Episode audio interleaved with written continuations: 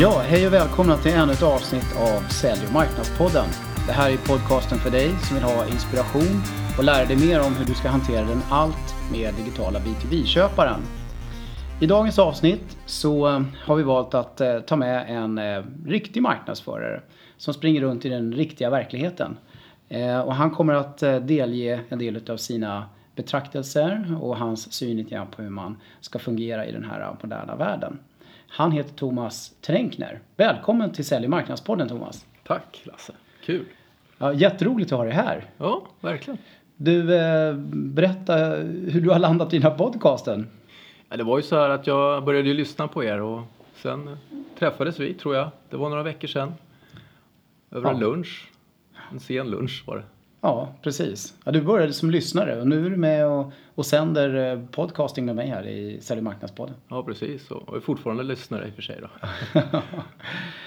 eh, ja, vad härligt. Du, Thomas, jag tror att um, du får berätta lite mer om dig själv. Vem, vem är du och, och vad gör du? Var befinner du dig på dagarna?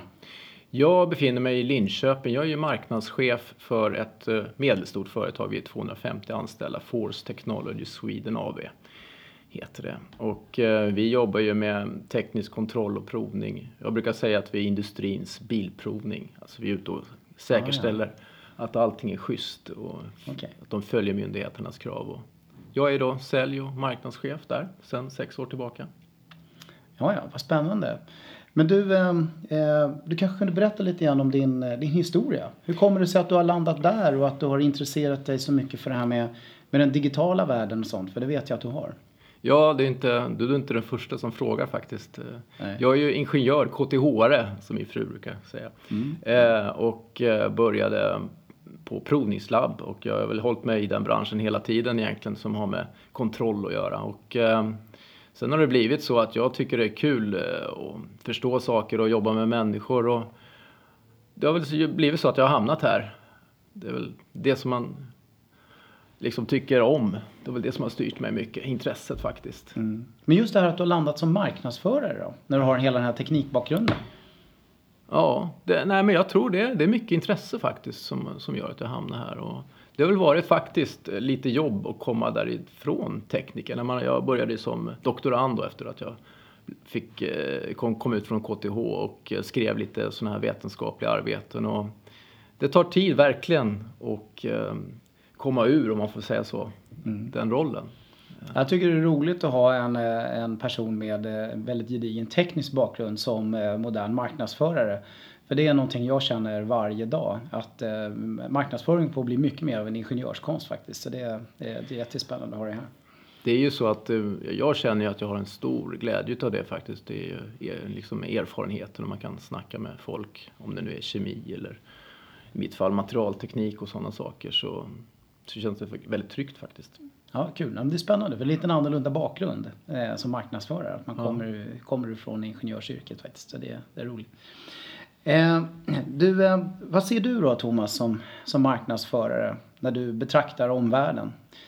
Vad är det som händer där runt omkring som, som är viktigt att, att ta hänsyn till och tänka på? Så jag möter ju många företag som är verkstadsföretag stora och små. Men det är ju många som gör väldigt mycket bra saker tycker jag. Och, eh, det är inte det som är deras problem utan det är väl den här omvärldssituationen, eh, konkurrensen. Och jag känner att de har så mycket värden på något vis som, som de skulle kunna kommunicera mycket mer än vad de gör. De, gör, de är duktiga på det de gör. Mm. Men, eh, de kommer inte ur lådan liksom? Nej, precis. Nej. Nej men så är det ju mångt och mycket. Det är väldigt mycket traditionell B2B business ja, i Sverige. Ja. Har väldigt mycket fantastiska saker och vi är mm. inte alltid så duktiga på, på marknadsföring. Mm. Det, det, finns många som skulle behöva bli bättre på det. Och det funkar ju så länge um, relationerna mellan köparen och säljaren finns där och mm. det inte börjar handla för mycket om pris. Då är mm. det klockrent och det, det är så det fungerar på många sätt idag. Va? Jag var på mässorna i Malmö här nu igår och förrgår och det är ju nästan bara relationer det handlar om.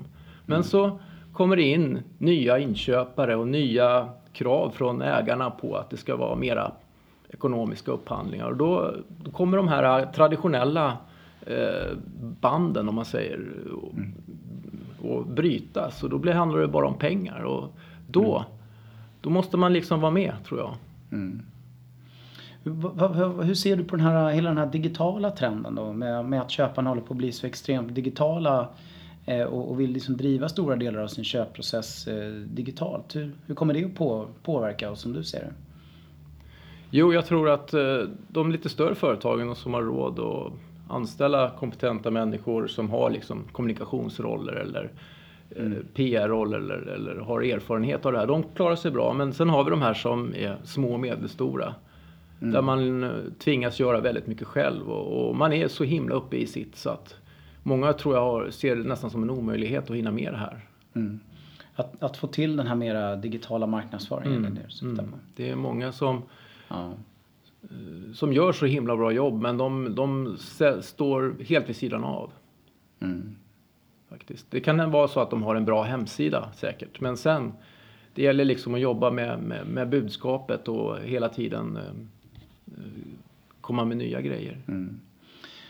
Ja, nej men det är ju så. Det är, den, den, den, digitala köparen är ju ganska tuff. Finns man inte i den digitala världen Eh, och man, eh, man är där och man kan liksom eh, vara relevant för, för den moderna köparen så är det ganska ja, då, då blir det tufft för den helt enkelt. Så det är, det är ju ett ganska stort steg att ta för många traditionella företag att börja jobba med marknadsföring på ett nytt sätt och, och börja jobba med det här eh, kopplat till liksom den, den, digitala, den digitala scenen, vad vi ska kalla det för. Mm. Nej, men det handlar ju också om att uh, visa sig på ett nytt sätt. Alltså att åka runt och möta kunder, det är det traditionella sättet och det funkar ju naturligtvis. Mm. Men eh, ska man hänga med liksom i, konkurrensen mm. mot lågkostnadsländer, för de är duktiga, det ska mm. vi ha mm. klart för oss. Mm. De är fantastiskt bra.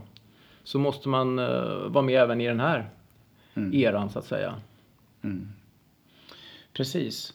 Men eh, generellt sett då, hur, hur, eh, hur tycker du att man ska tänka då?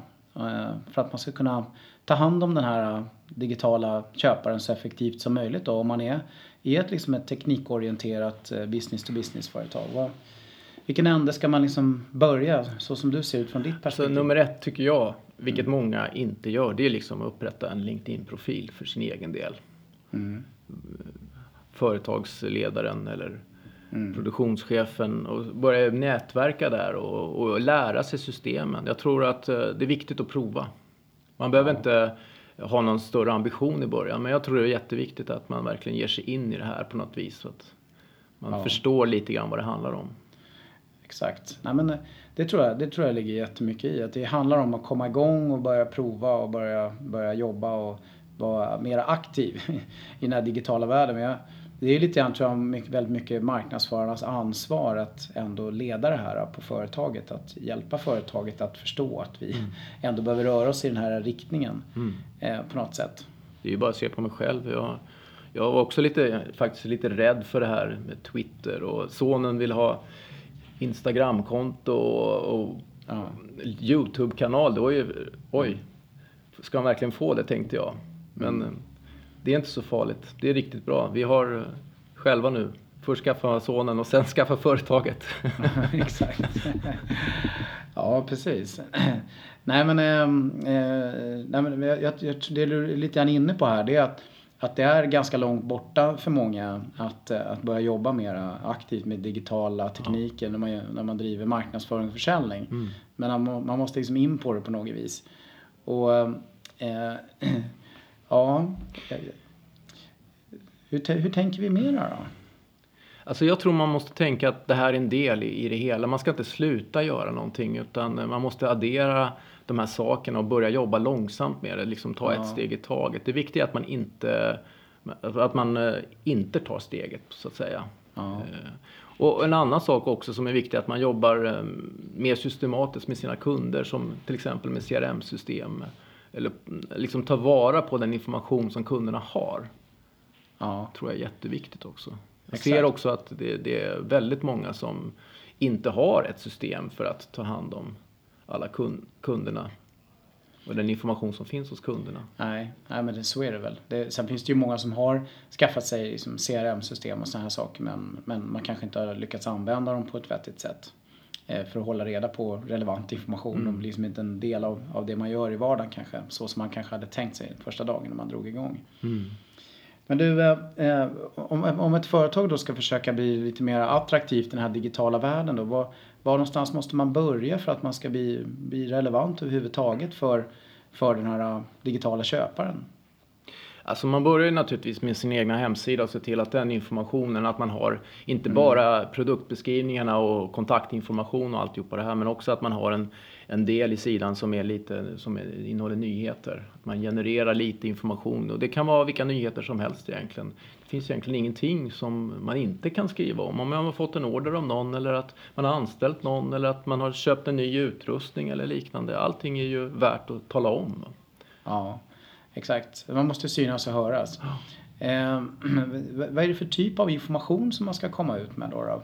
Vi pratar ju mycket om det här med att man ska ha relevant, relevant content som, som passar för en köpare på lite olika sätt beroende på var köparen befinner sig i en potentiell köpresa och beroende på vem köparen är och så. Det beror ju på hur långt man har kommit kan jag tycka. Mm. Om det handlar om att man vill få ut sitt varumärke så tycker jag att eh, många sådana här mm, industrinyheter är väldigt eh, benägna att ta upp information om nya mm, nya ordrar eller någon ny nyckelperson man har anställt. Och det är ju ett jätteenkelt sätt att få liksom, reklam. Att få, mm. få sin, sitt varumärke spritt. Det är nummer ett tycker jag. Mm. Där tror jag många är idag också lite grann. Att man har väl någon form av enkel lösning kopplat till det i alla fall. Ja. Och sen, på, sen nästa steg är ju naturligtvis att man börjar se på det man gör ur kundernas perspektiv och blanda in kunderna i det här. Och, det. och, och mm. skriver om det helt enkelt. Eller pratar ja. om det på, på någon konferens eller något. Ja, exakt. Eh, precis, man, man, man skapar content helt enkelt som handlar mera om kunderna och köparna än, liksom en, än en själv egentligen. Absolut. Ja. Men hur får man till det då som marknadsförare? Hur, hur sjutton löser man den knuten? Marknadsförare sitter ju oftast på, på kontoret och, och jobbar på liksom med, med den traditionella marknadsföringen. Det handlar ju om att du måste visa intresse för de andra i företaget.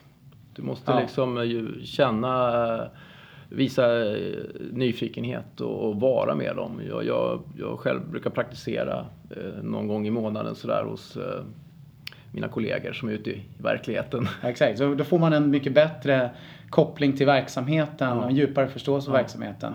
Då kanske man också som marknadsförare ja. kan få med sig dem så de kan få vara med och bidra ja. också i att skapa olika typer av information och, och sånt som kan vara viktigt för marknadsföraren att kunna använda sen. Sen omger jag mig, där jag sitter, vi är mm. tio stycken, så är det en massa tekniker runt omkring och vi pratar mycket med varandra. Mm. Och vi delar med oss. Jag berättar vad jag håller på med, de berättar vad, vad de håller på med och helt plötsligt dyker det upp något intressant. Mm. De ska iväg på något jobb.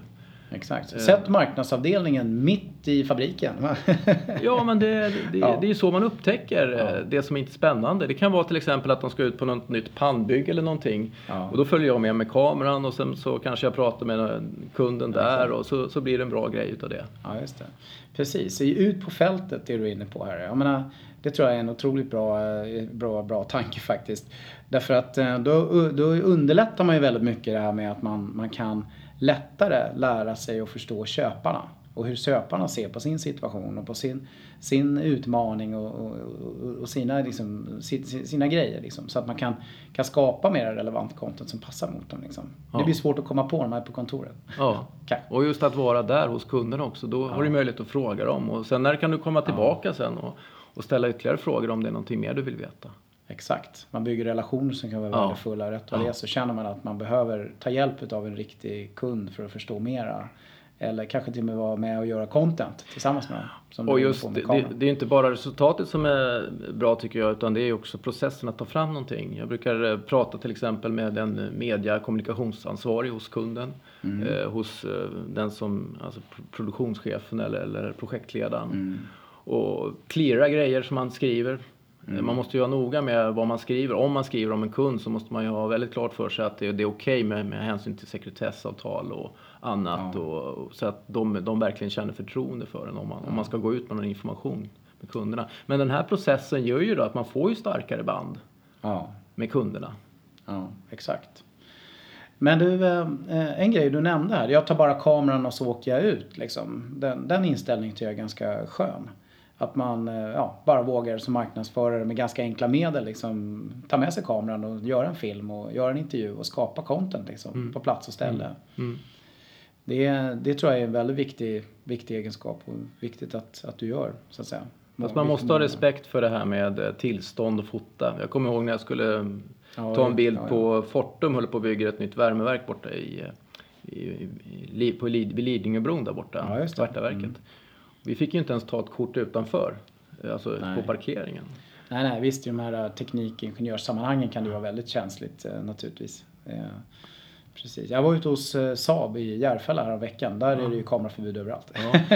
Men faktum är att jag har faktiskt inte blivit nekad en enda gång att om jag pratar med den som är ansvarig för det här så brukar mm. de oftast, det brukar lösa sig. Mm. Så man ska inte vara rädd för att, även om det står att det är förbud, så, så prata mm. med dem om det. Så, och de, om de känner att eh, de kan lita på dig så brukar det inte vara några problem. Mm.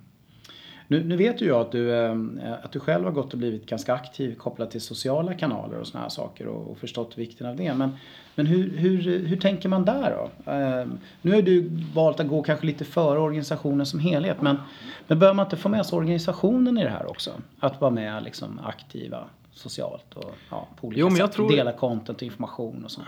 Jag tror att det kommer. Om man, mm. om man visar man, man, det är ju så att man lägger upp information och så får man ju andra engagerade och att de börjar läsa och de börjar gilla. Och jag har en ja. kollega som har börjat publicera på Slideshare och, och liksom, jag tror de, de får lite inspiration faktiskt. Mm. Slideshare? Jag tror vi måste förklara. Det är kanske inte alla som vet vad det är för någonting. Vill du dra den Thomas? Nej men det, det, det är ett ställe där du kan lägga upp eh, presentationer helt enkelt. Eh, lite kortfattat. Exakt, kan man säga.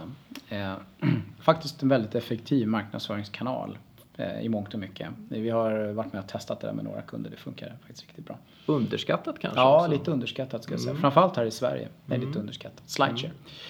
Eh, ja, alltså det, det, är en ganska pragmatisk hållning du har där egentligen. Man, eh, eh alltså personer på bolaget är med dig och skapar content på olika sätt. Det skrivs, eh, det görs dokument, det görs bloggar, det görs ja. Eh, det content på olika vis, man gör filmar. Då börjar man få en bättre förståelse. Du är med och är aktiv i sociala kanaler och så försöker man hjälpa dem och stötta dem och visa dem lite grann i vardagen hur de kan börja med det där i liten skala egentligen. Är det ungefär som jag tolkar det. Mm, precis, så är det. Ja, jag, jag tror också att, att, många undrar ju det här med ja, vilka kanaler är det och vilka ska man satsa på? Men, Eh, det standardsvaret tror jag i Sverige är rätt mycket LinkedIn. I mångt och mycket när det gäller B2B. Oh. Och jag, jag, jag, vet egentligen inte vad, jag vet inte svaret på den frågan. Själv har jag satsat ja. på LinkedIn eh, och Twitter till stor, mm. och hemsidan och faktiskt även My Newsdesk har vi använt en hel del ja. eh, tidigare.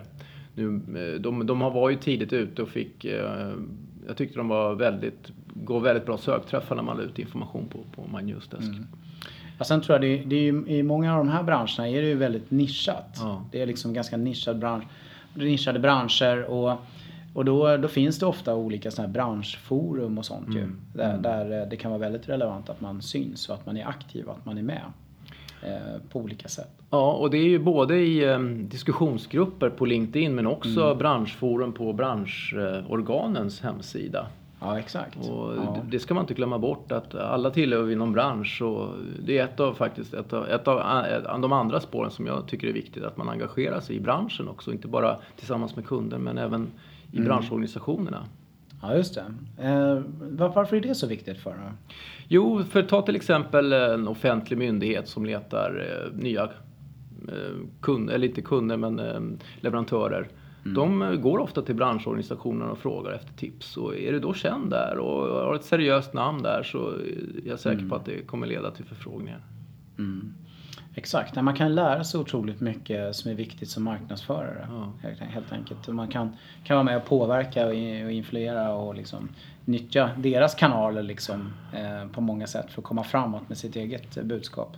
Och inte mm. minst när du säljer tjänster så är det ju i branschorganisationen där så att säga, kunskaperna oftast eh, finns, eller den, den mm. gällande tolkningen. I vårt fall, vi jobbar ju mycket med regelverk och, och, mm. och sådär. Så att för oss är det jätteviktigt att, att vara samstämmiga. Mm. Mm. Ja, eh, lite en annan fråga. Hur, hur ser du på det här med, med marknadsbudgeten då? Den, den traditionella marknadsbudgeten innehåller ju i princip inget digitalt. Eh, vi hade ett avsnitt här eh, för ett tag sedan där vi pratade lite grann om hur budgetar fördelar sig enligt olika undersökningar. Och det börjar ju bli så att man lite mer och mer allokerar eh, pengar till den här digitala mm. marknadsföringsaktiviteterna på olika sätt. Men, men hur tänker man där då? Ja, alltså, jag, jag tycker man ska tänka mer framför allt. Och Mm. nu är det väl tyvärr så att vi lägger inte särskilt mycket pengar på det. Nej. Utan det som kostar pengar traditionellt det är ju annonsering och mässor och Mm. några verktyg som man köper. Men det är en, en annan grej. Hur får, du, hur får du personer så att säga, i ledningen kring bolaget, du är ju själv med i, i bolaget här, att förstå det här med, med digital marknadsföring? Att man ska faktiskt jobba med det och lägga pengar på det. Alltså det, det ultimata sättet, det bästa, det är ju när kunderna säger att de har hittat oss där och, och de, de upptäcker det liksom inte av mig utan utav eh, våra kunder. Exakt. Så att eh, det är lite så här grilla-taktiken. Vi börjar göra lite olika grejer och så börjar det ge resultat.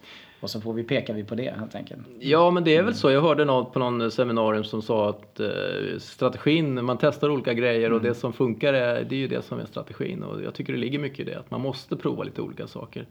Jag tror inte det finns en lösning på, på hur man ska marknadsföra sig. Utan.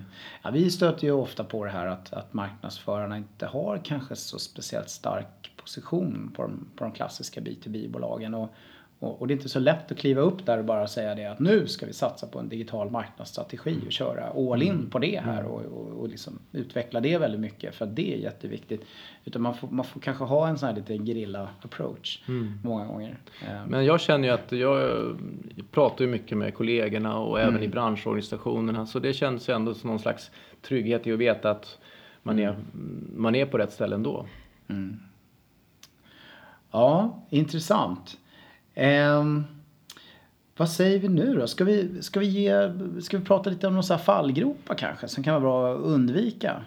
Som, eh, som marknadsförare i den här typen av företag. Om man, vad är det man inte ska göra? Det är ju det här med att om man börjar liksom tänka för mycket på vad är det vi gör för någonting och börja satsa på till exempel en företagsbroschyr. Exakt, då ska du säga boo. Ja, man har ju lite gamla erfarenheter utav den typen av eh, resonemang. Man känner sig så nöjd när man har beskrivit sig själv så fullkomligt. Ja, just det. Man är ju Så- störst, bäst och Så har vackrast vi trots allt. Liksom. Det är- 40-sidig tjusig broschyr framme som eh, blir en eh, hyllvärmare sen. Ja, precis. Det där kan man ju känna igen sig i väldigt väl. Innan jag var med och startade den här digitala satsningen och digitala resan så har jag ju själv hållit krampaktigt i de här broschyrerna. Och varit med och lagt oceaner av pengar på dem också faktiskt. Det är ju så. Så det ska man inte göra längre helt enkelt. Eh, nej, men däremot vill jag faktiskt säga att man mycket väl kan jobba med produktifieringen, eller alltså tänka ut vilka är våra Mm. tjänster va? och just processen i att eh, generera de här produktbladen. Vi har en väldig massa Ja, produktblad. men det, är en bra process. Man Ja. förtydligar ju för sig själv vad, Ja. vad man Ja. gör. Och det ska ju ändå någon i slutändan som ska köpa det. Liksom, så det är ju... Men eh, nej, så det ska man inte lägga så mycket krut på. Det är andra grejer man ska satsa på. Det är det här contentet och den relevanta digitala informationen och, och de grejerna helt enkelt. Ja, och då gäller det att veta vad som är relevant och det kan man ju bara veta genom att fråga kunderna eller jobba med kunderna Ja. så att man förstår dem. örat mot backen. Ja, när det gäller det där, du har ju en väldigt pragmatisk approach till mycket och, och, och det här med att vara ute på fältet och lyssna och prata med kunderna och med branschorgan och sånt där. Det är ju väldigt viktigt. Men, men hur, hur, vi- brukar ofta prata om det här med att man ska göra undersökningar och sånt också. Eh, strukturerade intervjuer kanske, göra lite interna workshops och sådär och sitta och diskutera de här frågorna. Hur ser köparna egentligen på sin vardag och hur ser de på sin köpresa och så. Men, men du har inte ägnat dig så mycket åt den mera typen av strukturerade grej utan det är mera den här jordnära approachen. Ja, men det är också en viktig del i det här med att man träffar kunderna och jag försöker följa med ibland. Det är inte huvudsakligen min roll att, jobba med just kundmöt- kundmötena när, när, när de är i projekten. Men det är jätteviktigt alltså med, med att erfarenhetsåterföringsmöten som vi kallar det för, ERFA-möten. RFA-möten. Ja, ERFA-möten, det är inom kärnkraften är det ett begrepp. Men det är, det är så bra för där, där får man ju veta hur kunderna tänker och de berättar mycket om eh, framtiden och vi berättar eh, så vi kan matcha behoven. Eh, har du en annan fallgrop vi ska ta upp? Nu när vi ändå är inne på det ämnet. Ja, det handlar väl eh, kanske om att eh, inte satsa för mycket på en sak faktiskt. Utan eh, lägg äggen i, liksom, fördela graserna lite grann i budgeten. Va? För att, eh, Prova på lite flera spår. Ja, jag tror det faktiskt. Ehm, när jag kom in i den här rollen så hade vi mycket, mycket stor budget på annonsering och jag var inte säker på vilken effekt det ha- hade så jag tog bort allting. Mm. Så vad som hände och det var egentligen inte någon större skillnad. Så man liksom man måste prova andra saker också tror jag. Ja, men jag, jag tror just i den här digitala världen där det sker en så extremt snabb utveckling också. Där det finns så otroligt många olika sätt att eh, liksom, promota och få ut, eh, få ut sitt budskap. Eh, att man måste verkligen prova sig fram för att se vad som passar en och vad som ger en bra ja, return on investment eh, för oss eller, och för en själv. Mm. Och hitta sin egen, eh, koka sin egen soppa lite grann liksom, och hitta sin egen lösning som, som funkar. Mm. Eh, och då, då är det ju liksom lite grann det det går ut på tror jag. På att spela på lite olika strängar som du är inne på. Mm. Men man kan fråga kunderna egentligen vad som helst. Eh, ja. Be om tips helt enkelt. Var, ja. var, var, var hittar ni eh, information om ja. företag som, som, som oss? Ja. ja. Jag tror också en erfarenhet vi har, vi har fått erfara är att väldigt många köpare som man inte tror är så digitala Eh, de är ändå mer digitala. Framförallt om man börjar liksom göra relevanta grejer i den mm. digitala världen. Mm. Så, så blir det liksom så att de blir mer digitala. Eh, och uppskattar liksom att, eh, att, att, konsumera information. Och om det finns något bra, mm. vettigt, relevant ifrån den här branschen eller den här typen av leverantörer som, att, att, att konsumera helt enkelt. För så är ju läget ändå väldigt mycket i många branscher att eh, man jobbar väldigt traditionellt. Det finns inte så jättemycket digitalt bra content liksom, att, mm. att uh, ta del utav. Men börjar det dyka upp sånt, då gillar köparna det. Liksom. Det där kan man ju faktiskt se som en möjlighet också för att i, i, i min bransch kanske så är det så, det är ingen jättekonkurrens om, om uh, riktigt bra innehåll. Och, och då, då är det, om man lägger mycket energi på innehållet så tror jag att det har man igen. Ja, jo för det, det är ju ofta en fråga vi får. Det är just det här att, eh, ja men är det inte liksom en väldigt tufft brus där ute?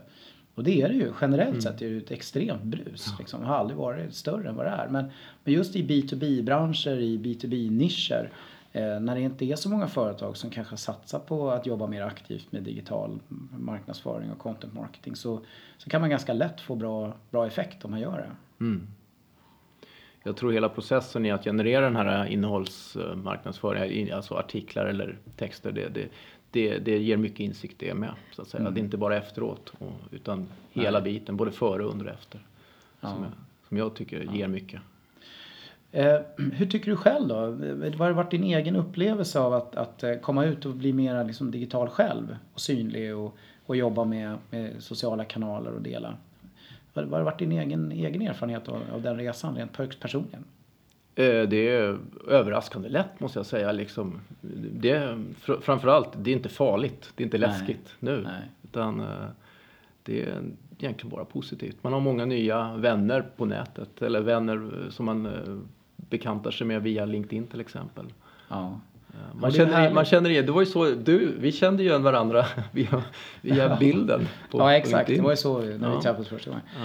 Nej, men jag tror att um, ja, men det är ju härligt när man får feedbacken. Jag vet, du, det, du delar ju med dig av, av content själv och sådär. Eh, det är underbart när man får feedbacken. Eh, när folk gillar det man gör ja. och att det tillför någon form av värde till en faktiskt. Det är inte så dumt. Ja, det blir en... en. Det, blir, det, blir jätte... det är ännu lättare att gå till jobbet som marknadsförare. Ja, det är verkligen. jag tycker överlag att det är många, många marknadsförare vi träffar som har satsat på det här som tycker att det är kul. Mm. Att det är liksom en, en, en liten ny revolution för marknadsföringen och, och något spännande. Ganska svårt, men det är ganska spännande att skapa liksom nya nya möjligheter, nya tankar och ny energi. Mångt mycket. Men eh, det är nog inte så många ändå som är särskilt aktiva om vi tar LinkedIn nej. som exempel. Nej, det får man lov att säga. Det, det, där kan de nog mm. vara lite... De, alltså, läser de någonting, jag brukar så fort jag läser någonting som jag tycker om så mm. gillar jag ju det. Ja. det Nej men det är så. Det, det pratas mycket om att det händer otroligt mycket där. Ja. Men eh, i själva verket så är det väldigt få som har kommit dit och gör någonting riktigt bra och relevant. Apropå det kan vi ge ett litet tips. LinkedIn eh, har precis lanserat eh, sin nya grej när det gäller marknadsföring. Lead Accelerator. Kanske vi får komma tillbaka till ett eget poddavsnitt om längre fram. Men du eh, Thomas, då, vad blir det liksom det vi ska skicka med lyssnarna? Vi har pratat mycket om det här att man ska lägga örat mot rälsen och vara med där ute och, och inte sitta på kontoret och mecka. Är det det som är tipset? Då? Ja, ja, det är ett av tipsen. Men eh, en sak som jag försöker tänka på ibland är inte att bara se ur kundens perspektiv utan se, kliva ur sig själv också, se sin egen verksamhet ur ett externt perspektiv. Alltså mm. företaget och kundens roll tillsammans på något vis. För mm. att det, det kan vara bra att se dig själv utifrån också. Absolut. Eh, det kan ge en hel del insikter. Mm. Och sen att eh, man försöker vara kundens bästa vän, brukar jag tänka på. Ja, och så prova, pröva sig fram i den digitala ja. världen helt enkelt. Mm. Ehm, och försöka göra olika relevanta grejer och, och prova, prova, prova sig fram. Men du, ehm, en sista grej. Vad tror du lite grann om, om framtiden då? Om vi ska titta ett år eller två eller tre år framåt i tiden. Hur tror du att det har utvecklat sig för, för eh, den B2B-marknadsförarna eh, i de här lite mer tekniska ingenjörsbranscherna? Ja, det kommer att explodera tror jag. Det är en exponentiell utveckling. Jag menar, jag till exempel började mitt Twitter-användare för ett år sedan. Och jag är mm. säker på att eh, det kommer bara bli mer och mer. Ja. Ja. ja, det går ju ganska snabbt märker man ju faktiskt. Det gör det ju. Jag vet inte hur många LinkedIn eh, eh, som, som finns på LinkedIn nu. Sist mm. jag hörde siffran var det 200 miljoner men vad, ja, jag tror att det är 350 ska jag gissa på någonstans. I Sverige är det, börjar det närma sig 2 miljoner ja. på LinkedIn, om inte fler. Ja, det är ju, vad är, vad är det? Var, mm. Vart åttonde person mm, eller 40 procent av alla är faktiskt aktiva varje dag. Ja. Det är faktiskt ganska fascinerande statistik. Ja, utvecklingen kommer gå i en rasande tempo så det gäller att hänga på. Du Thomas, vet du vad? Så här, avslutningsvis här i det här avsnittet så skulle jag vilja lämna över en liten bokstav till dig. Den här bokstaven är ett R. Nu ser ju inte lyssnarna det, ni får titta i bloggposten som vi lägger ut eh, så får ni se. Eh, kanske till och med ta ett kort på dig med det här lilla ärret. Eh, vet du vad ärret står nämligen för? Relevant marknadsförare. För jag känner att du har liksom förstått grunden i det här med modern marknadsföring och har börjat praktisera det. Är väldigt modigt i ganska tuffa traditionella branscher. Så här Thomas, varsågod. Ett ärre till ditt. Kul. Tack. Bra, tack. Då, ehm, då kanske vi skulle skicka med det till lyssnarna också. Vad ni än gör där ute, kära lyssnare, så var relevanta, eller hur? Och intressanta. Ja. Tack Thomas, tack. Ja, tack själv.